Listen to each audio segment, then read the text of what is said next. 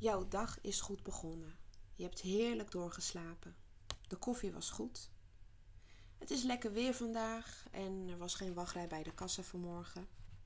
Je bedenkt, ik ga vanavond eens extra mijn best doen met koken voor mijn lief. En hij krijgt mij als toetje. Bij deze gedachte krijg jij al voorpret. Je ziet namelijk de reactie van je lief al helemaal voor je. En jij, jij verheugt je helemaal op zijn blijdschap over jou. Jij gaat punten scoren vanavond, dat weet je zeker. Je weet waar hij van houdt en je bent er heel druk mee vandaag. Eindelijk, jouw lief komt thuis met een humeur van zout. Een kus kan nog net, maar jullie ogen ontmoeten elkaar niet. Jouw lief pakt wat te drinken uit de koelkast, ploft lang uit op de bank, klikt de tv aan en klokt zijn biertje onverschillig in één keer weg. Wegverzonken in de televisie. Herkenbaar? Als jij als codependent bent, wat medeafhankelijkheid betekent, dan heb je een kenmerk van achterdocht. En die staat bij jou voor de deur aan te bellen. De codependent ervaart dit namelijk als totale afwijzing van haar als persoon. En dit triggert haar. De hele rits van haar ziel van het verleden gaat van boven naar beneden open. Want zij raakt in paniek. Zij als codependent zijnde moet altijd weten: waar ben ik nu aan toe? De angst in haar regeert nu. Onbewust zoekt zij grip, controle in deze situatie. Ze heeft irreële hoge verwachtingen van haar partner en over de situatie, en die komen nu ook aankloppen bij haar, wat trouwens een codependent kenmerk is. Ze wilt nu meteen een verklaring voor dit onfatsoenlijk gedrag. Hallo, ik ben er ook nog? Of zou er misschien een ander zijn? Jouw lief, die moe is van een lange werkdag, nog steeds denkt aan het oerzaaie project van het werk, is gefrustreerd geraakt tijdens de vergadering, stond in een lange file, trapt voor de deur ook nog eens in de kak, is juist blij dat hij thuis is, dat hij lekker de boel de boel kan laten en lekker zichzelf kan zijn.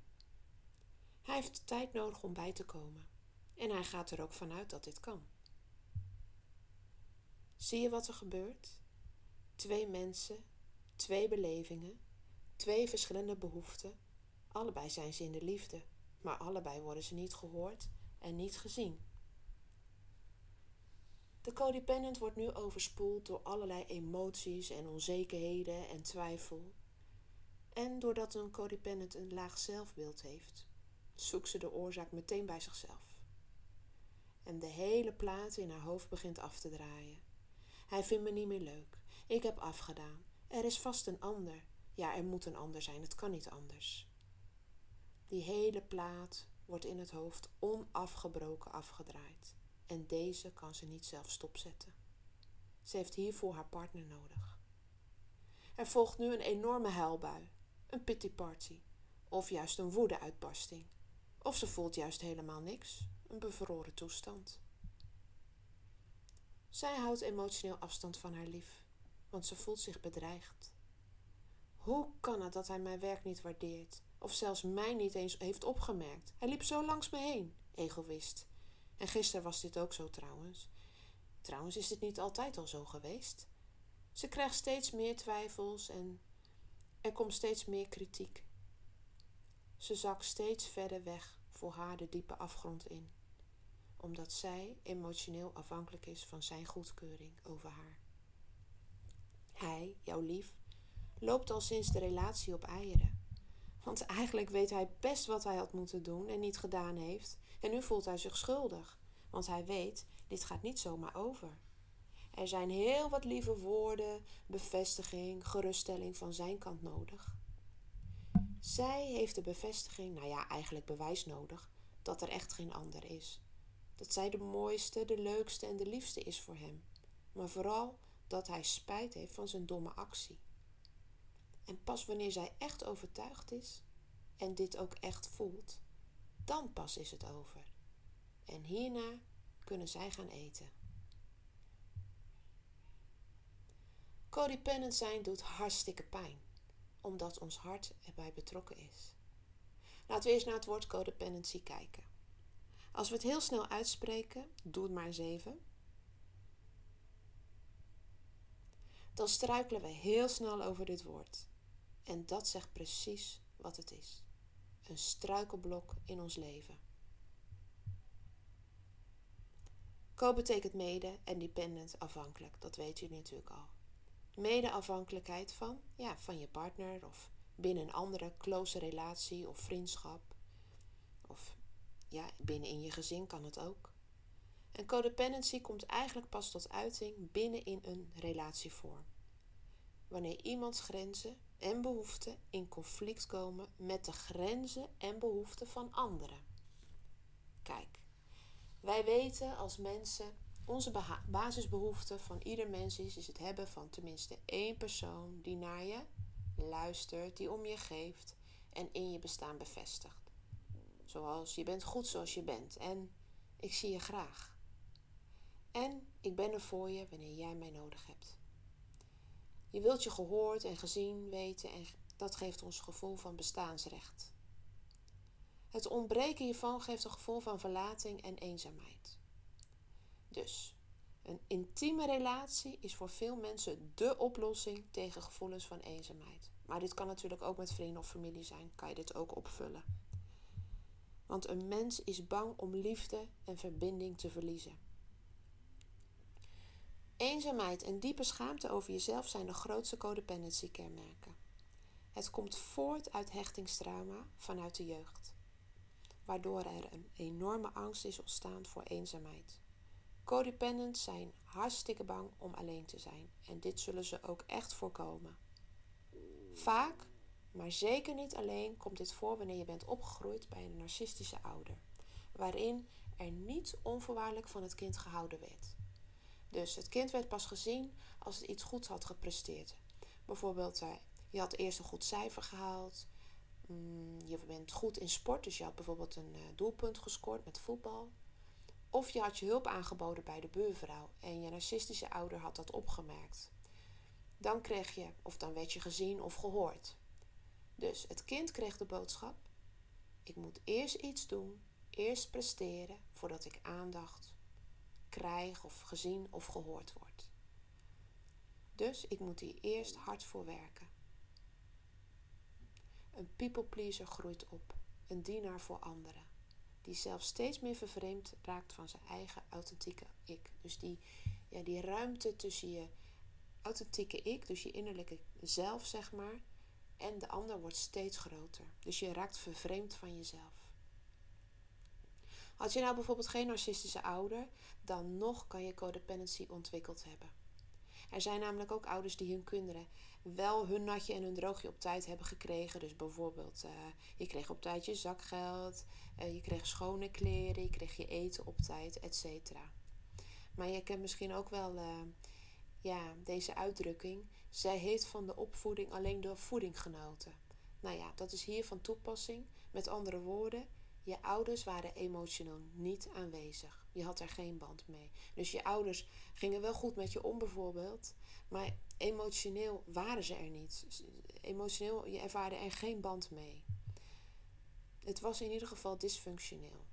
Dus um, ja, wat bedoel ik met een dysfunctioneel gezin? Er kunnen allerlei redenen voor zijn dat je ja, geen band had met je ouders geen emotionele band bijvoorbeeld. En dat kan zijn omdat uh, de situatie nou eenmaal bijvoorbeeld zo was. Dat kan bijvoorbeeld zijn als er een langdurige ziekte van een van, een, een van je gezinsleden was. Of misschien was een van je ouders had bijvoorbeeld een, een burn-out of leed aan depressies.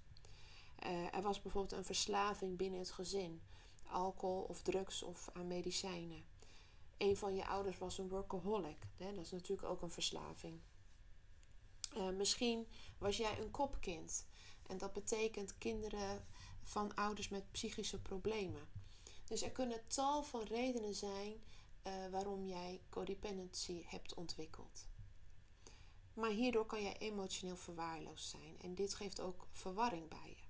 Want je ouders bedoelden het in veel gevallen wel goed. Ze deden wat in hun vermogen lag. Nou, nu voel jij je schuldig misschien om hier een naam aan te geven. Want je hebt misschien het gevoel dat, ze, ja, dat je ze hiermee veroordeelt. dat je ze met een vinger nawijst om er een naam aan te geven. Dus Je beredeneert je eigen gevoel weg. Als je codependent bent, dan heb je geleerd om je eigen emoties weg te drukken, je te bagatelliseren, te onderdrukken en vooral te ontkennen wat je voelt. Je hebt niet geleerd om voor jezelf te zorgen. Je hebt niet geleerd om je emoties uh, ja, te erkennen. Uh, je vindt het moeilijk om je emoties te benoemen. Bijvoorbeeld ben ik nu boos of verdrietig of ben ik ongerust. Je weet niet wat je precies voelt. Maar je weet ook niet dus wat je nodig hebt. Je kan het jezelf niet geven. Want ja, je hebt in dienst gestaan van anderen. Zeker als je in een narcistisch gezin bent opgegroeid. Dan weet je helemaal eigenlijk niet wie je bent, wat je nodig hebt. En ja, dan voel je waarschijnlijk ook heel weinig. Dat kan. Maar codependency zijn eigenlijk symptomen, dus zijn een tal van symptomen van een onderliggend trauma. Van emotionele verwaarlozing en afwijzingsgevoelens. Nou, nu zijn jullie wel heel benieuwd wie er codependent is, ja of nee. Ik ga de eh, kenmerken opnoemen voor je. En bij de hele rij vol, dan ga jij heel hard bingo roepen. Met stip op nummer 1, wat echt heel erg herkenbaar is, is um, je voelt je gedwongen om andere mensen te helpen, anders voel jij je schuldig. Het kan zelfs zo zijn dat je je zo schuldig voelt dat je er niet eens van kan slapen. Zo erg, zo erg kan het schuldgevoel uh, zich opdringen. Je geeft altijd ongevraagd advies. Je stelt andermans behoeften, wensen voorop. Je geeft anderen voorrang dus. Je bent opgegroeid in een dysfunctioneel gezin of je zit vast in een dysfunctionele relatie, in een schadelijke relatie.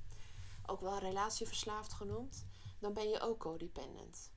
Uh, daar, ga ik in een, uh, daar ga ik nog een uh, podcast over maken, over relatieverslaving. Dus blijf erbij. Um, je hebt een laag zelfbeeld. Je geeft spullen weg of koopt cadeautjes. Je biedt hulp aan om zelf te krijgen. En wat bedoel ik hiermee? Je geeft spullen weg en het motief hiervoor is, is uh, omdat je eigenlijk zelf wilt krijgen. Je wilt aandacht krijgen, je wilt complimentjes krijgen, je wilt dat mensen je leuk, lief en aardig vinden. Dus dat is de verslaving. Je ervaart je eigen grenzen niet, maar ook niet die van anderen. Dus je laat mensen over je grenzen gaan, maar je gaat zelf ook over de grenzen van anderen. Je hebt ongecontroleerde woede of barst in huilen uit. Je wordt overspoeld door emoties. Dus daar had ik het net over. Hè. Ik begon mijn verhaal daarover. Dat is misschien wat je herkent. Dat je in één keer in een hele diepe afgrond valt. En dat bedoel ik. Je wordt overspoeld door allerlei emoties. En je kan daar heel moeilijk uitkomen. Maar het kan ook zijn dat je juist geen emoties ervaart. Dus dan voel je een bevroren gevoel van binnen. Je kan niet alleen zijn. Je mijt alleen zijn. En als je alleen bent, dan ga je mensen bellen. Je wilt controle over andere mensen. Je wilt dat ze jou nodig hebben. En je creëert ook situaties dat ze jou nodig hebben. Slecht tegen kritiek kunnen. Je voelt je dan eigenlijk, eigenlijk helemaal afgewezen. Je kan dat niet ja, uit elkaar halen. Um, je moet steeds weten waar je aan toe bent. Je hebt steeds het, eh, ja, je hebt de drang van waar ben ik nu aan toe. Je, moet, je hebt steeds bevestiging nodig. Je hebt irreële hoge verwachtingen van andere mensen, van je partner, van de relatie, maar het kan ook van je collega zijn. Je hebt gevoelens van hulpeloosheid, machteloosheid. Uh, ja, dat kan je ervaren. Nou, dit is best veel, hè? Uh, wat ik heb opgenoemd. En um, dit zijn een tal van codependency um, kenmerken. Er zijn er nog wel wat meer, maar dit zijn wel de meest voorkomende, laat ik het maar zo zeggen. Uh, ik ga in mijn podcast uh, hierover spreken. En ik heb ook een workshop hierover. Daar ga ik veel dieper over alle kenmerken in. En daar ga ik ook spreken over herstel. Daar gaat mijn workshop over gaat puur over herstel van de autonomie. En ik ga je dingen uitleggen hoe codependency werkt, waar dat uh, tot uit, uh, waar dat, uh, ja, waar dat tot uit, uiting komt. Sorry, ik verspreek me. Um, daar ga ik het over hebben. Um, mocht je nou denken, wauw, ik heb echt heel veel interesse in dit onderwerp. abonneer je dan alsjeblieft via SoundCloud, want dan mis je geen enkele podcast. Ik ben ook te vinden op Instagram, Codependency bij Peggy. Ik ben ook op Facebook te vinden. Ehm, neem contact met me op als je vragen hebt. Je mag mij ook schrijven. Mijn e-mailadres is pekvoorburg.outlook.com. Uh, um, als je vragen over codependency hebt of waar ik lezingen houd, binnenkort komt mijn website uit. Daar komen mijn lezingen op te staan. Waar, waar ga ik naartoe? Ik ben van plan om een tour te maken. Um, mocht je interesse hebben om bij een lezing over codependency of over narcisme, um, ja, wil je daarbij aanwezig zijn? Laat het me weten. Um, misschien kan je een groepje vormen met wat andere mensen. Ik kom ook bij in de huiskamer als je dat wil. Zorg ervoor dat je gewoon wat mensen bij elkaar hebt. Van het werk, van de voetbal of wat dan ook. Als er mensen zijn die geïnteresseerd zijn in dit onderwerp van ik, wil, ik heb codependency. Hoe kom ik hiervan af? Dan kom ik uh, bij je. Uh, op mijn website uh, staat alle informatie daarover.